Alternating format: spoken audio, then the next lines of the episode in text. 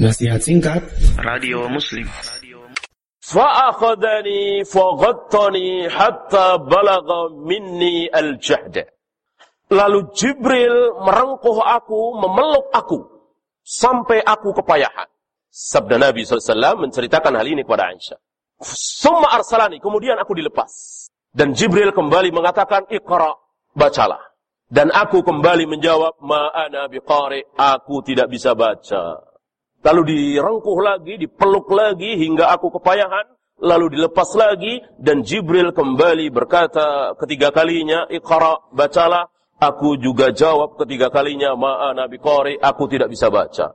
Kemudian aku direngkuh lagi, dipeluk lagi untuk yang ketiga, lalu dilepas, lalu Jibril mengatakan, Iqra bismi rabbikal ladzi khalaq. Khalaqal insana min 'alaq. Iqra wa rabbul qalam dan seterusnya. Ini wahyu pertama yang dibawa oleh Jibril kepada Nabi sallallahu alaihi wasallam tanpa penjelasan apa pun. Jibril tidak mengatakan maksud membaca di sini begini-begini, nama Allah maksudnya begini-begini, menciptakan manusia dari alak, alak itu apa? Enggak. Kalau ada tentu akan dijelaskan oleh Nabi sallallahu alaihi wasallam.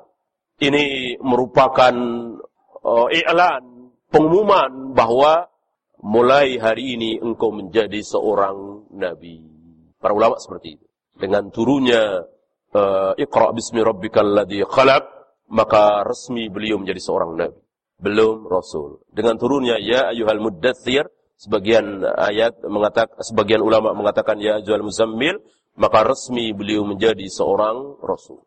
Nah, rasul pasti nabi, nabi belum tentu rasul.